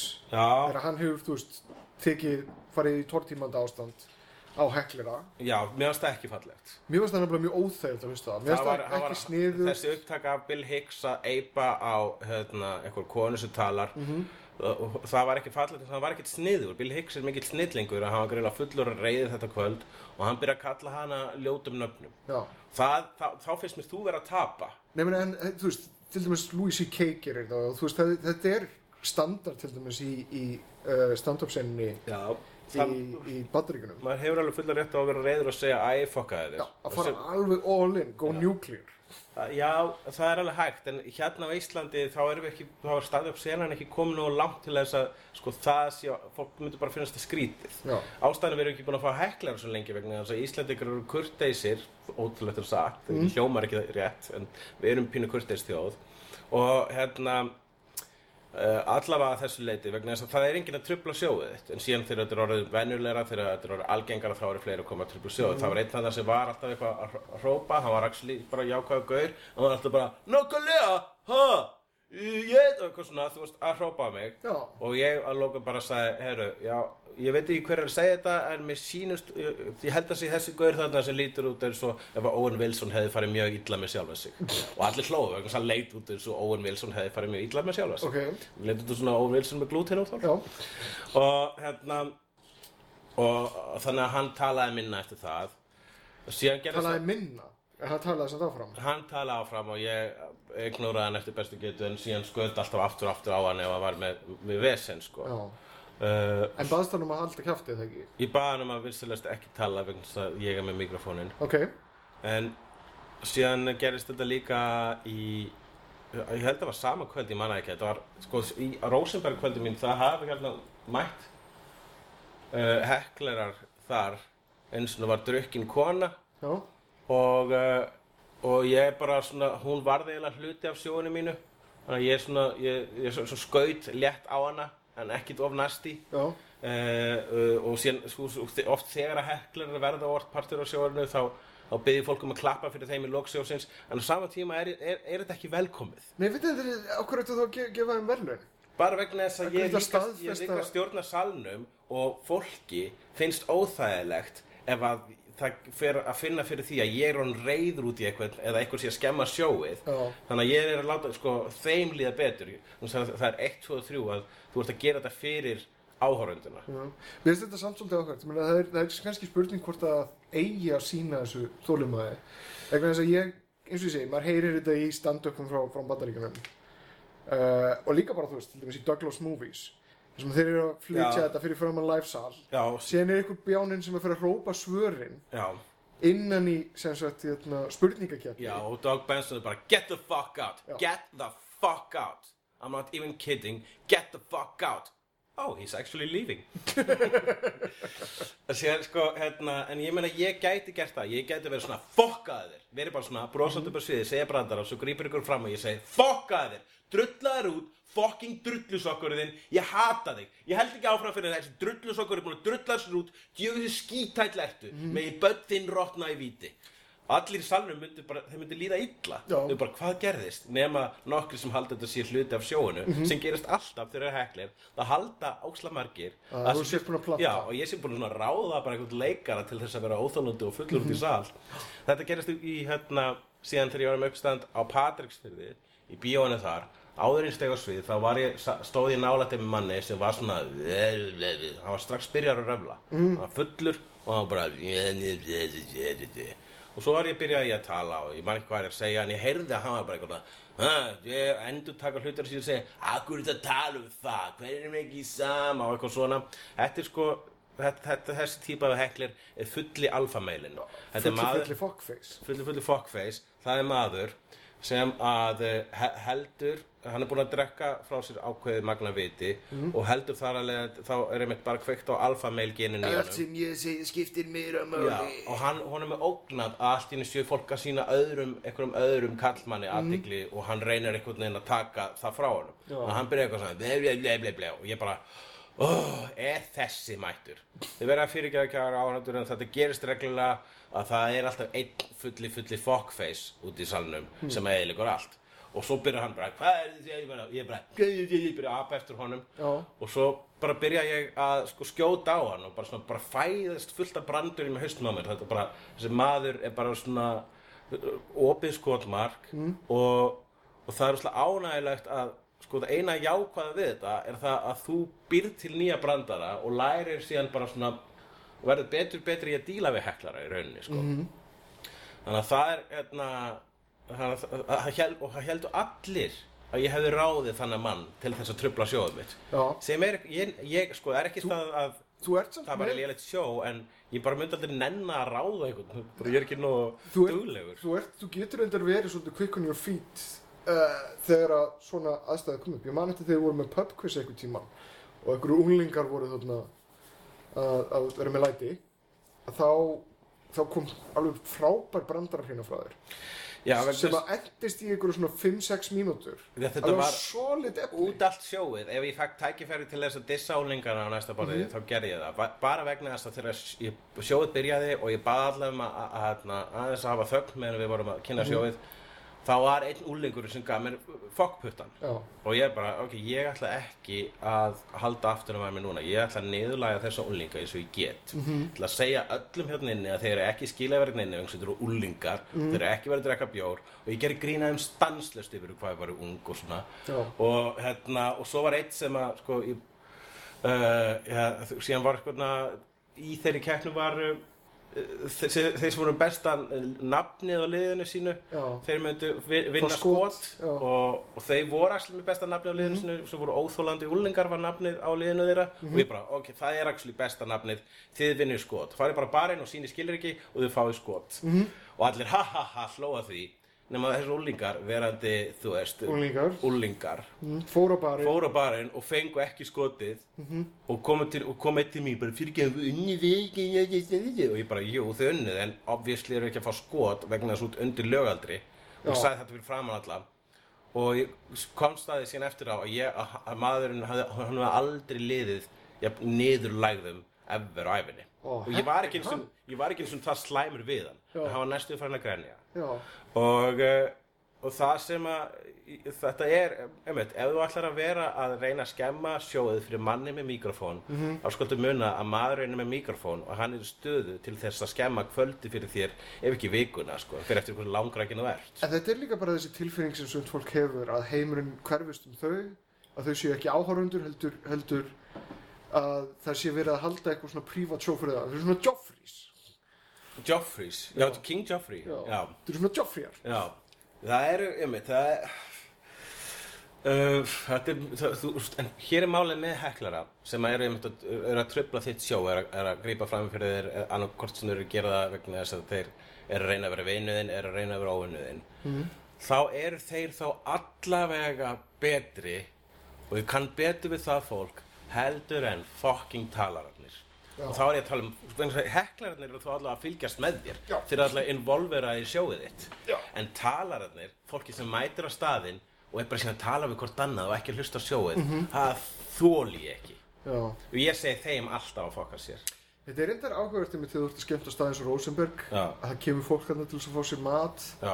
hverju túristar sem eru síðan bara allt í nú kóður uh, sjó Já, við reynum sko að þeirra fólk sko við reynum að mæta með posan snemma og ef við mæta túristar og eru að fara að borða þá látum við þau vita bara, við bara látum við vita, það er uppistandingina eftir og það er á íslensku. Því við erum ekki, við ætlum ekki náttúrulega að láta ykkur borga fyrir það en ég er bara að segja að það verður ekki gaman fyrir ykkur að þurfa að þegja allan tíman á meðan ykkur er að tala tungumáli på sviði sem þið skilja ekki.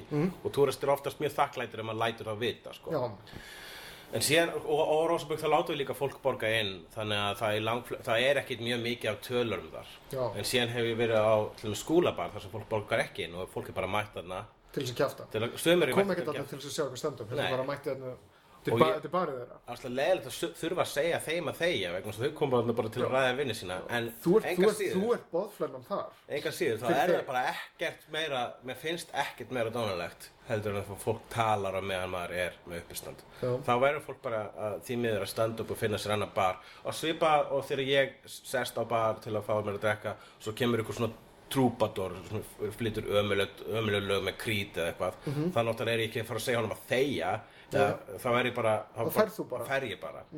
Og, og það er samt annað máli með þetta þú ert með að flytja tónlist og fólk er að tala yfir það. Það er ekki það sama. Nei. en þú ert að, þú ert að vera með spoken word sérstaklega eitthvað sem er ekki flutt eftir handriti heldur eitthvað sem að þú ert að, að segja eftir eigin geðþáttur ákvörðunum og, og að ert að, að bara svona og ert að þróa efnið og meðan þú ert að tala þá geta sko talarar eðilagt pönslænið og sjóið fyrir öðrum sko. Það er líka slengt vegna þess að það er vanverðing fyrir aðra sem er actually mættir til þess að hlusta á grín svo er bara fólk að, eitthvað að tala allan tíman á meðan sko.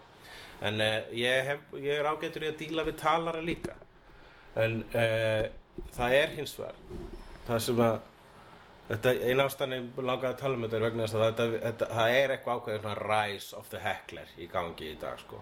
Þið finn, þið finnst þeim hafa fjölgað. þeim hefur fjölgað Eftir því sem er reynd, er það ekki bara þannig samt að uppistandið er orðið vinsælla sem því það að það eru núna farnir að koma fleiri einstaklingar á uppistönd sem því það að á meðal þessara nýju einstaklingar sem er að koma þá er fólki sem er ekkert sérstaklega vant þessu formi. nákvæmlega þetta er bara tölfræðilegt og, og kemur ekkert á óvart sko. Það er, er Við erum svolítið heitlandi þetta, þetta fyrirbæri að vilja vera með í samtalinu sem er ekki samtal vera jötna, að að bauna inn Já, að hrópa, þú veist, þau, halda þessu að hjálpa til og svoleiðis og hérna, Hvað var þetta neverending story dæmi til dæmis? já, það var, sko, það var, Var, var þetta ádeil á þig? Var verið að segja við ég- þig neverending Þetta sko, er ég- endaleg Nei, saga Ég skal segja söguna, en þess að engi fattar hvað þú tala um. Ok,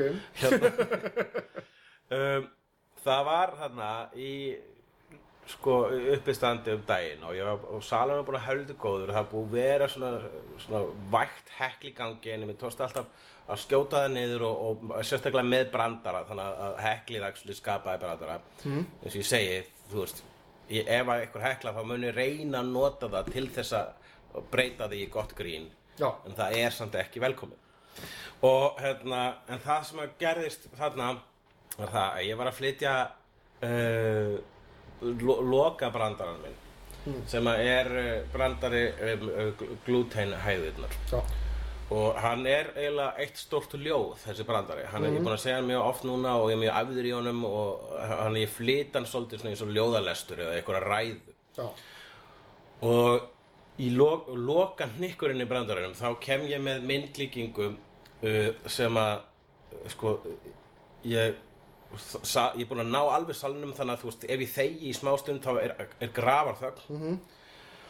og ég kem með hérna myndlíkingu um það að hæði mína hljóma eins og uh, álfasöngur og, og alltaf orða þetta svona hérna. Og það hljóma eins og álfasöngur í Lord of the Rings. Og svo þegar ég segir það bara og hljóma eins og álfasöngur. Neverending Story hrópar allt í ykkur Já. í dramatísku þögninni í miðri setningunni og ég bara ertu að ég missi mig bara svona, ertu að grínast? Þetta var loka pönslænið í síðasta brandaranum og þessu þögn skipti öllu máli um þessu brandar, ég, þetta er það sem ég segi upp á sviði þessu þögn skipti öllu máli um að brandaran væri fyndin en þú hrópar síðan einhverja gleymda barnamynd frá 1983 eða eitthvað álega og allir eru þá að hugsa um það núna og pönslæni mun ekki vera að fyndi þetta. Er allt spurningu, bara byrja að útskýra fyrir honum hvernig, hvernig grín virkar bara. þetta, er bara, þetta er allt spurning um timing þetta er spurning um réttar þagnar, réttum stöðum og núna verði ég að fara að segja bara fleiri brandara til að fólk gleymi þessum brandara svo ég geti byrjað aftur á honum og sagt hann rétt. Og svo bara neytist ég að fara til að fara bara og kafa eftir ykkur og sagði nokkra eftirhermur og kom síðan aftur á brandaranum minn mínum Ok. og sagði hann rétt. En hann var samt ekki að fyndin og hann hefði orðið vegna þess að Það búið að ræna momentum það búið að ræna momentinu og þetta er einmitt momentið, eða momentum. Já. þetta er mjög mikið spurning skriðþunga. Og, og brandar að vera oft miklu fyndnari ef að ég fæ að fylgja mínu skriðþunga. En ef fólk er alltaf að kasta eitthvað til mín þá hægist á grínvélinni og ég, hún högtir og, og mar, margir brandararnir verða ófinnari fyrir vikið. Þetta er mjög rauninni viðkvæmt form uh, uppistand ef við segjum svo er. Já, og hérna En þannig að hann hrópaði þetta og ég skammaði hann og um, um leiði var búin að svona randa á hann í smá tíma þá leiði mér illa og sagðist fyrir ekki hvað ég leiðilegur Hvað varstu, varstu reyður þegar, þú- svona, varstu svona, svona fókusera reyður? Ég var ekki Sagður þú fucking fibblið eitthvað? Nei, nei, ekkert svoleiðis Já. Ég var bara svona, ég var bara svona stóist, stóist Varstu pirraður Já, stóist pirraður Já. Varstu svona frustrerað, svona, Ég- svona, ó, veistu hvað er búin að gera Nei, ég, það? veit, stóiskur pyrringur Ok. er besta leiðin til að lýsa þessu Ég orðaði, or- or- hljómaði og orðaði þetta nákvæmlega eins og ég lýsti því aðan Ok, ok. Og, hérna, og svo að lokum bara þú veist, þessi strákur kemur til mín og hann, hann býður mér upp að bjór og svo listur almennu strákur og, hann, og eins og ég segja, hann var engin meinfísni, hann var ekki að reyna að vera leðilegur hann vildi bara vera með, það var gaman hann var líka nörd og hann, var, hann hrópaði neverending story uh, vegna þess að hann var að, reyna, þú veist, hann var að er. Já, hann var að tala, hann var að reyna að tala sama tungumál og ég, en ég var að fara að koma með Lord of the Rings vísun og einhver hrópar nefnir story í miðjum Lord of the Rings þá, þá hæ- hægðist á honum, hann dapp, hann bara hann drapst á vélinni og ég þurfti að enduræsa hann aftur og segja aðra brandara. Þetta gerist líka mjög mikið á hérna, Forgotten Realms! það var í, það, ég var í sínum daginn á, á skúlabar og þar borgar fólk ekki, sér ekki inn, þannig að maður getur alveg gert ráð fyrir einhverjum heklurum þar. Já. Og þar var, það var uh, kvöldi síðasta skúla var síðra en öll enn kvöld sem hafa verið þar og þau hafa mjög oft verið mjög góð. En þarna voru sko, það voru talarar, það er að segja fólk sem talaði bara meðan ég var að tala við hvort annað. Og það voru sko stelpur sem voru satt á eitt borðið og þær voru alltaf í símanum sínum, að hlæja ykkur í símanum sínum. Já. Og svo var eitt borð sem var með miðaldarkonum sem var komið til þess að hata mig, síndist ég. þess að Það sátu þarna þöglar og horfðu á mig reyðar. -hmm. Og þetta var, og svo var einn gaur sem var að reyna að vera sniður og var að reyna að vera með. Þannig að ég er sko með svona ongoing brandara innan uppistandsins mín þar sem ég segi ömulega brandara orðaleiki Já. og hérna og, og, og alltaf þegar ég sagði pönslan í því þá hrópa hann BÚ sem er alveg sko ég, og jú, viðbröðin við þessum orðaleikjum þau eiga að vera sko brandarinn er hvað brandarinn er lélegur. Já. en málega er það að hann er miklu finnari þegar að sko ég kann mér nýtast miklu betur þegar áhörundin er svona aaaah dísis og svo, svo hlæja sömur og sömur klappa fyrir hvað hann er þetta En þessi gaur, hann gerir bara BÚ! Og ég bara hætt að hrópa bú vegna þess að það distraktar mig og þú ert að taka fagnaðalætin frá hinum. Þú ert að egna þér hérna, þú ert að egna þér viðbröðin við brandaranum. Vegna þess að ég vil heyra fólk gera svona hérna ah, glatað, en ég vil ekki heyra bú! Vegna þess að það er of hátt og bara óþólandi mm. hann gerði þetta tvisvar og alltaf á þessari stundu þegar, ég sagði lélegan orðaleik. Þannig að hann sagði alltaf á réttri stundu. Hann hefði getað sagt á verri stundu. Skástu stundunum sem hægt að af skástu staðinni sem hægt var að segja það í uppistandunum mína þá var það þessi staði Mhm. þannig að hann mátti eiga það.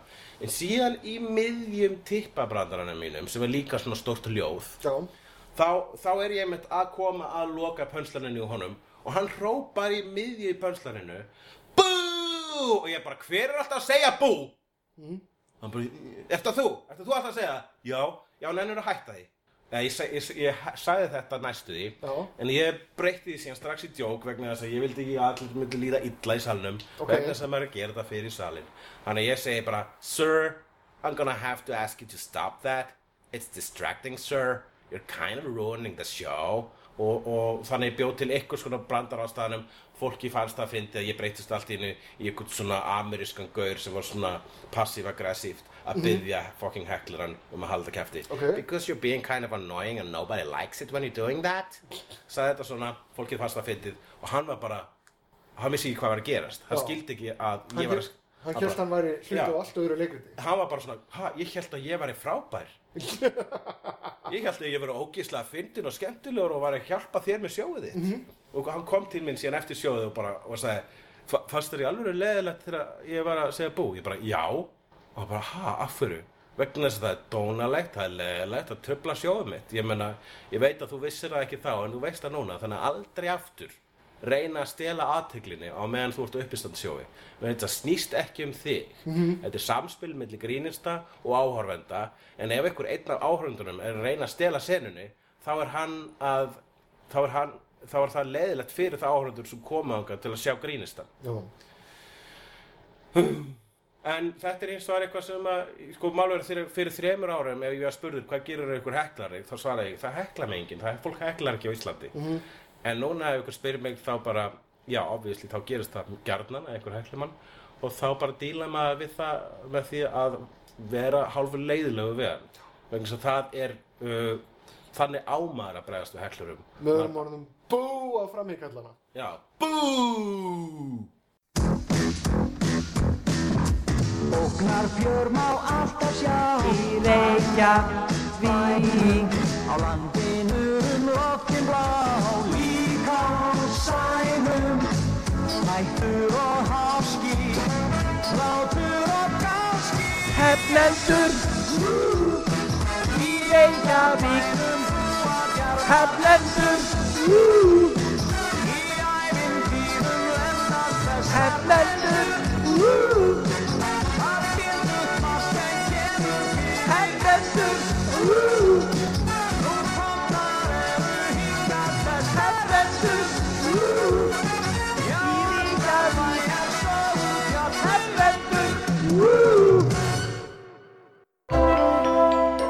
Þú finnur fleiri skemmtilega alvarpstætti á nútímin.is. Takk fyrir að hlusta.